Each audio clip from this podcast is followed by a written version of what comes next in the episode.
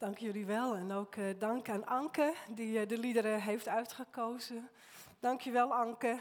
Jammer dat je er zelf niet kan zijn. Anke is, uh, zit thuis, ziek en moest helaas afzeggen. Maar dank je wel hiervoor.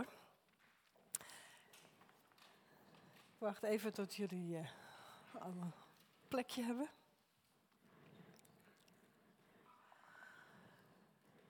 Hoop, daar hebben we van gezongen. Hoop, en dat is uh, niet hetzelfde als optimisme. Ik was aan het luisteren naar een, podcast en daarin uh, zei iemand: dit hoop is niet hetzelfde als optimisme. En dat triggerde me. Ik dacht: oké, daar heb ik zo nog nooit over nagedacht. En wat is dan het verschil? En is het ook belangrijk voor ons om daar het verschil in te zien?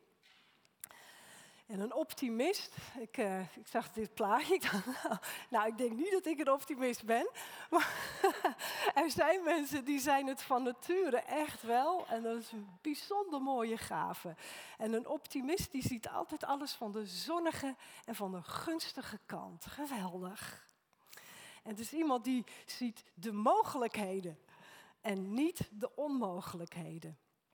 En het komt goed hoor, echt, het komt goed. En dan zeggen wij, oh, dat willen wij heel graag horen. Het komt goed. Ik wil het heel graag horen van de arts. Als je met klachten bij de arts komt, dat is, nee, maar het komt goed hoor. Of we willen dat ook heel graag horen van de regering, hè, als we in een economische crisis zitten. Het komt allemaal goed hoor. Of we het geloven, dat weet ik dan niet.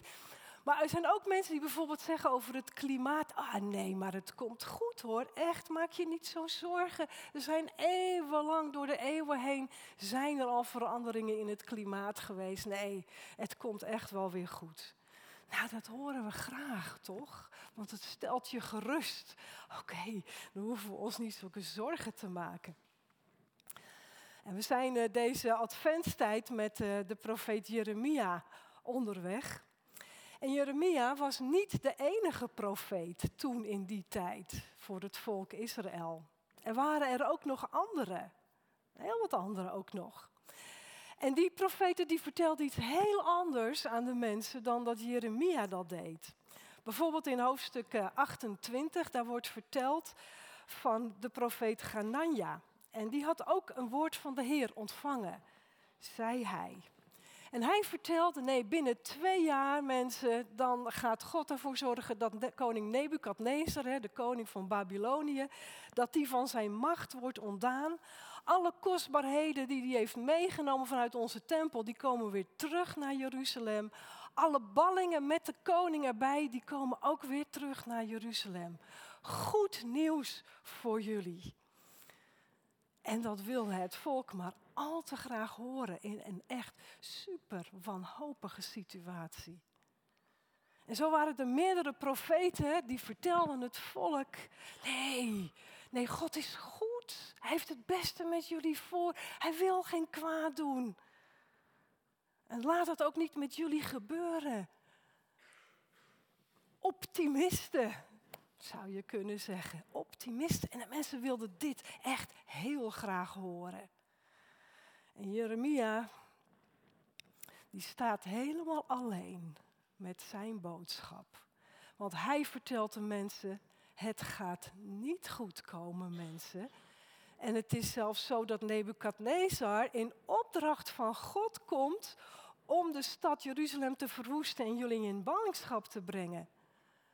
Hij doet dat in opdracht van God om jullie weg te voeren. Hij gaat niet alleen de stad en de tempel verwoesten, nee, hij gaat jullie ook in ballingschap voeren. En God wil dat je dat aanvaardt. Dat je dat lot aanvaardt en dat je daar bent 70 jaar lang. En dan pas zal de Heer je terugbrengen. Geen wonder toch dat mensen daar niet naar wilden luisteren de leiders niet, het volk niet, tot wanhoop van Jeremia. Maar Jeremia is geen profeet van de wanhoop en is ook geen profeet van het pessimisme. Jeremia is een profeet van hoop. En hoop is niet hetzelfde als optimisme.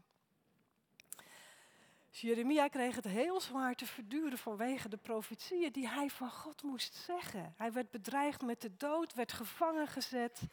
En daar in de gevangenis, daar krijgt hij weer een woord van God. En Mary heeft daarover verteld vorige week.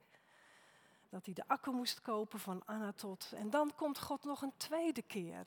Spreekt nog een tweede keer tot hem in Jeremia 33. En daar zegt God, ja, alles gaat verwoest worden. Jeruzalem, de tempel erbij, het zal een ruïne worden met vele doden. En dat gebeurt vanwege de ongehoorzaamheid aan de Heer en al het kwaad dat inwoners gedaan hebben.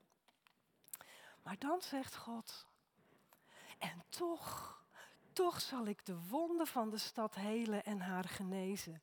En ik geef de inwoners blijvende vrede en voorspoed. Ik breng een keer in het lot van Juda en Israël en ik maak ze weer tot het volk van vroeger.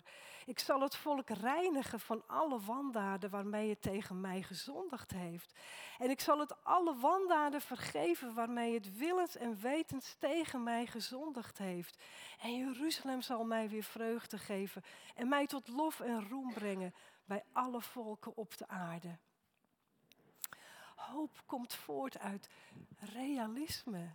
Eerst moet de werkelijkheid onder ogen gezien worden. Er moet zelfonderzoek zijn. Het volk moet inzien dat ze echt ongehoorzaam aan de Heer zijn en eerlijk naar zichzelf kijken en dat ook toegeven dat het zo is. En dan, dan komt er een keer in hun lot. Dan zal het anders worden en God gaat het doen die gaat het voor ze doen. Hij zelf gaat dat doen. Ja, en, en het is eigenlijk hetzelfde principe als wat therapeuten toepassen. Bijvoorbeeld in, hè, met twee mensen in een huwelijkscrisis. En het gaat toch echt meestal zo dat ze elkaar verwijten, wijzen wat de ander niet goed doet. Vreselijk om daartussen te zitten. En een therapeut die gaat helpen om naar jezelf te kijken. Om te zien, maar wacht even hoor. Heb je ook gezien wat je eigen aandeel is? Eerlijk voor ogen houden. Eerlijk de werkelijkheid gaan zien. Beide partners hebben een aandeel in de crisis. Ja, en als mensen de moed hebben om zelf in de spiegel te kijken, om eerlijk te kijken naar zichzelf, ja, dan ontstaat er hoop op verzoening dan komt daar een mogelijkheid dat ze elkaar weer tot elkaar weer kunnen naderen. En dan komt er hoop voort uit het realisme om te zien en eerlijk naar jezelf te kijken. En dat is wat God ook van het volk vraagt. Maar er staat hier nog echt wel heel wat meer op het spel, want God is een heilig God. En daar waar onheiligheid heerst, daar waar ongehoorzaamheid is aan God, ja, daar, daar kan hij er niet bij. Hij kan daar niet wonen bij mensen die in onheiligheid leven en hem ongehoorzaam zijn. Er is, zo zou je het je kunnen voorstellen, er is geen bewegingsruimte voor God. Hij moet alleen maar op een heel klein stukje proberen de mensen te bereiken. Er is geen bewegingsruimte. Hij stuit voortdurend op de grenzen. Net zoals eigenlijk Jezus dat ook had in Marcus 6. He, dan wordt dat verhaal verteld. Hij is dan in zijn geboorteplaats Nazareth. En dan staat daar. En hij kon daar zo weinig doen. Vanwege het ongeloof van de mensen. Dus ook Jezus stuitte daar aan grenzen. Ook God kan geblokkeerd worden door het ongeloof en ongehoorzaamheid van mensen. En dat was dus de situatie van het volk. En ze konden zichzelf er niet meer uit bevrijden. En het wonder is, God gaat het doen. Hij gaat hem bevrijden uit deze wanhopige situatie. Hij gaat er zelf voor zorgen dat hij weer bij hen kan wonen. Zelf ervoor zorgen dat hij zijn genade, zijn liefde, zijn zegen weer aan hen kan geven en schenken. En hij doet dat dan in drie stappen. Hij zegt, ik zal weer opbouwen. En ik zal reinigen en ik zal vergeven. Dus God gaat de verwoeste stad Jeruzalem weer opbouwen, zodat ze daar weer kunnen wonen Hij zal het volk ook reinigen van hun daden, vergeving schenken hè, voor hun wandaden, de zonde wegdoen alsof het er niet was. Genadig, geweldig dat God dit zelf gaat doen. Hij gaat er alles voor doen dat zij weer een volk kunnen zijn waar hij kan wonen. Dat ze een gewillig volk zijn die kunnen ontvangen wat God hen schenken wil. Het gaat wel langs de weg van het realisme. De realiteit onder ogen zien van wat er niet goed zit. Eerst wordt afgebroken voordat er opgebouwd kan worden. Eerst moet dit onreine weg. En blijkbaar was daar dan die 70 jaar ook voor nodig. Eerst moet het onreine weg voordat God daar weer kan opbouwen en met hen verder gaan. En dat is hoop. Het is geen optimisme, maar dit is wel hoop. En want optimisme, dat put je uit jezelf door positief naar dingen te gaan kijken. Maar voor het volk, er was absoluut niks meer om positief naar te kijken. Maar er is nog wel steeds hoop. Hoop omdat God zich om hen bleef bekommeren. Hoop omdat God hun lot gaat keren. Hoop omdat God hun ongehoorzaamheid en hun onreinheid weg gaat doen. Hoop omdat God gaat doen wat zij niet voor zichzelf konden doen.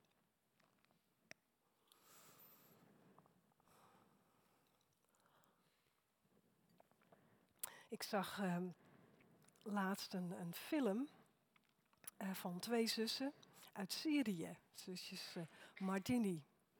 En uh, zij zijn zwemmers en ze waren aan het trainen voor de Olympische Spelen. Dus ze waren echt op een hoog niveau aan het zwemmen.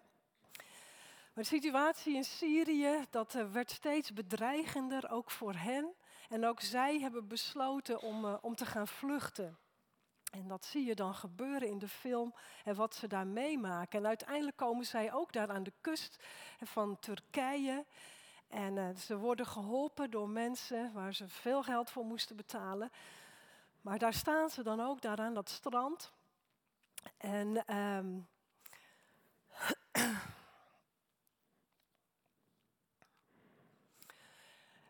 en wachten op wat er gaat komen. En um, daar komt dan zo'n gammele rubberen boot. Hè, die hebben we ook allemaal wel gezien op de televisie. Beplakt, waar overal gaten zaten. Een opblaasbare rubberen boot met een motor eraan.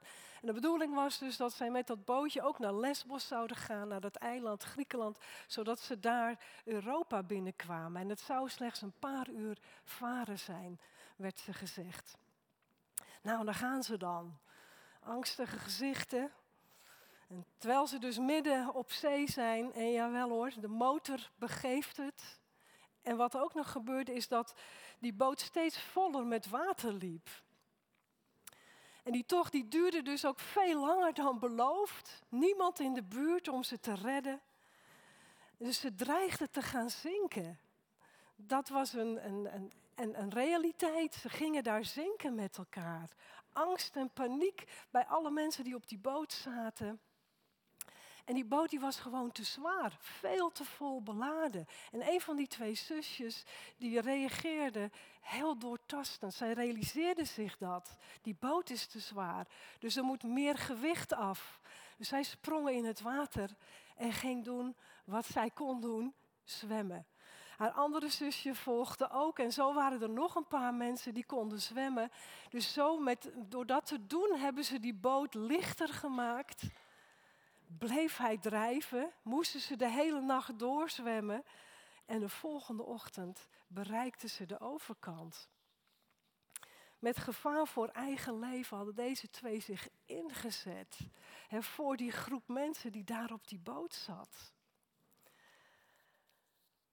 Dus deze twee meisjes die reageerden niet vanuit optimisme. Er was geen enkele reden voor optimisme.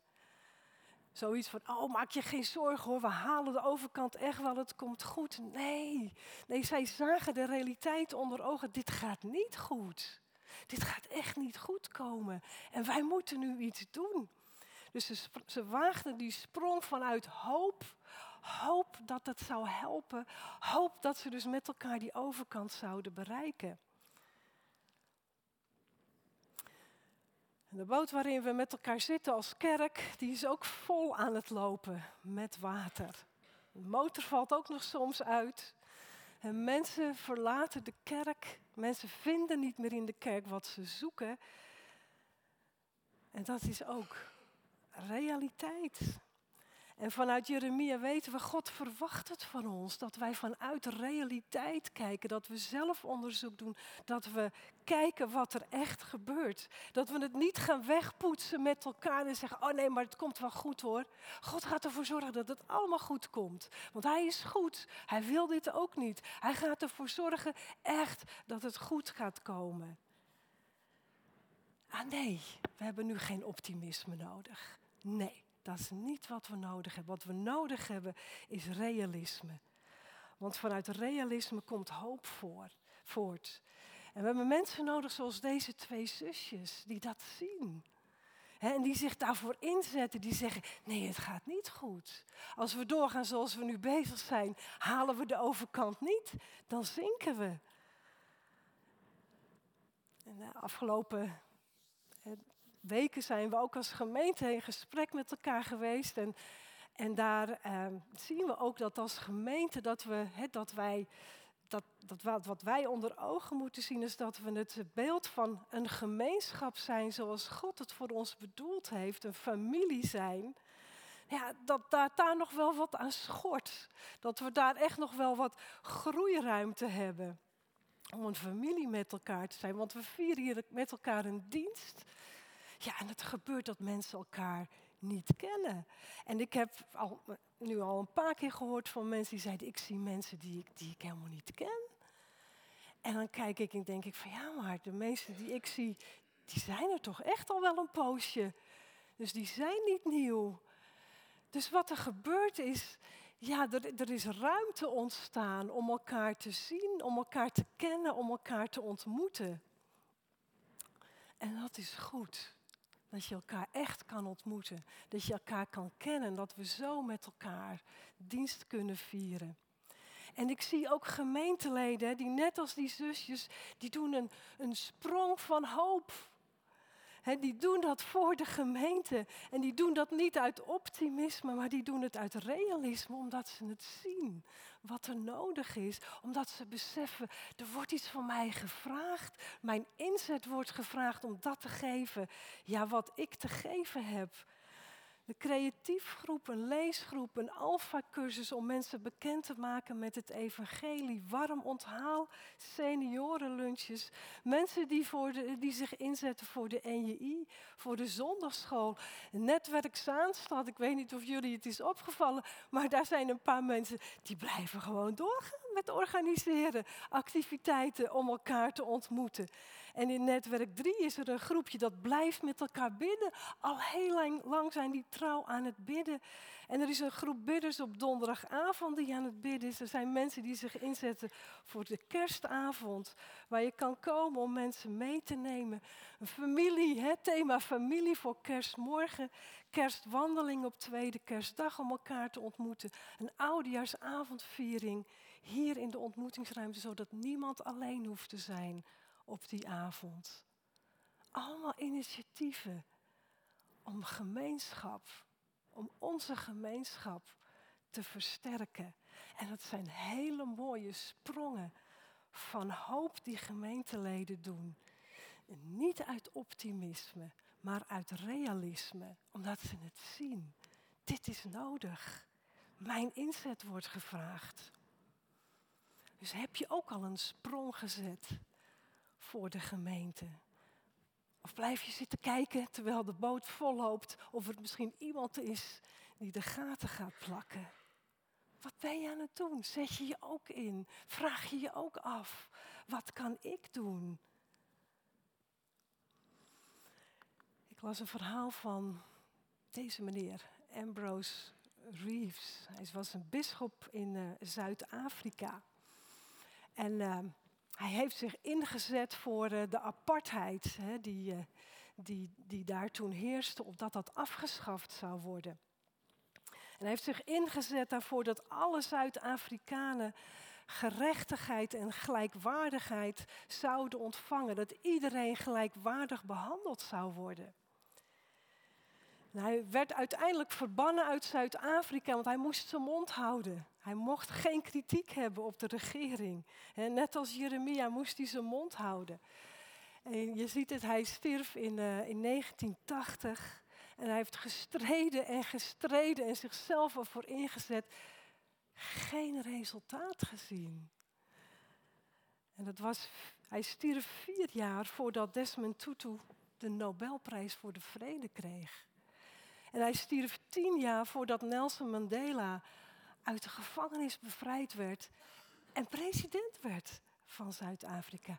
Deze man heeft er niets van gezien. En toch zo ontzettend veel gedaan om daar bij te dragen. Zoveel sprongen van hoop gezet, omdat hij erin geloofde en zag dat het nodig was. En daarmee de weg bereid voor anderen. Dus welke sprong? Of sprongetje? Maakt niet uit hoe groot het is. Elk sprongetje van hoop dat gaat helpen. Misschien een sprong voor de gemeente. Nanja en Erwin hebben jullie vorige week daartoe uitgenodigd. Ja, of misschien wel een sprong voor een familielid. Kerst komt eraan. Is er iets te doen voor een van je familieleden? Of misschien je vrienden of je vriendinnen. Of misschien zit je aan tafel met een familielid waarvan je denkt, nou, blijf jij maar aan die kant zitten. Oh, misschien is dit een moment om een sprongetje te zetten van hoop voor de relatie. Of een sprong voor het klimaat. En de groep duurzaamheid die helpt ons daarin. Goede ideeën om een sprongetje te maken. Of een sprongetje voor onrecht, een sprongetje voor armoede. Elke sprong die telt. En God zelf heeft de grootste sprong van hoop ooit gewaagd. En hij beloofde dat ook aan de mensen die daar in ballingschap zaten, 70 jaar lang. Hij zette een teken van hoop. Ik maak een sprong in de toekomst en ik zet daar een teken van hoop voor jullie. Want de dag zal komen, spreekt de Heer, dat ik de belofte die ik het volk van Israël en Juda heb gedaan, gestand zal doen. En op die dag en in die tijd zal ik aan Davids stam een rechtmatige telg laten ontspruiten, die recht en gerechtigheid in het land zal handhaven. Jezus. En dan wordt Juda verlost en de inwoners van Jeruzalem zullen veilig wonen en de naam van de stad zal zijn, de Heer is onze gerechtigheid. 600 jaar later wordt deze belofte vervuld. Niemand van deze mensen heeft het gezien. Niemand heeft kunnen weten hoe God dat dan gaat doen. En toch werden ze gevraagd om mee te doen. Toch werden ze gevraagd om mee te werken, om met elkaar die gemeenschap te vormen waar God mee wilde bouwen. Om met elkaar een gemeenschap te vormen door de eeuwen heen, waaruit uiteindelijk Christus geboren kon worden. Christus, hoop van het volk Israël en hoop van alle volken. Dus als we volgende week kerst vieren, dan vieren we dat dat de grootste sprong van hoop ooit is. En dat die is gelukt. Hij is gelukt. Christus is geboren. Het duister heeft het niet kunnen verhinderen. En zo kan het duister ook niet ons verhinderen om sprong te maken van hoop. En ons te voegen bij zoveel mensen die ons zijn voorgegaan, die dat ook gedaan hebben zonder resultaat te zien, maar het wel gedaan hebben omdat ze geloofden in de hoop die God brengt. Want God ziet wel elke sprong en Hij weet het en Hij bouwt er verder mee. En daarom geldt het, er is altijd hoop. Er is altijd hoop, want bij God is niets onmogelijk. Amen.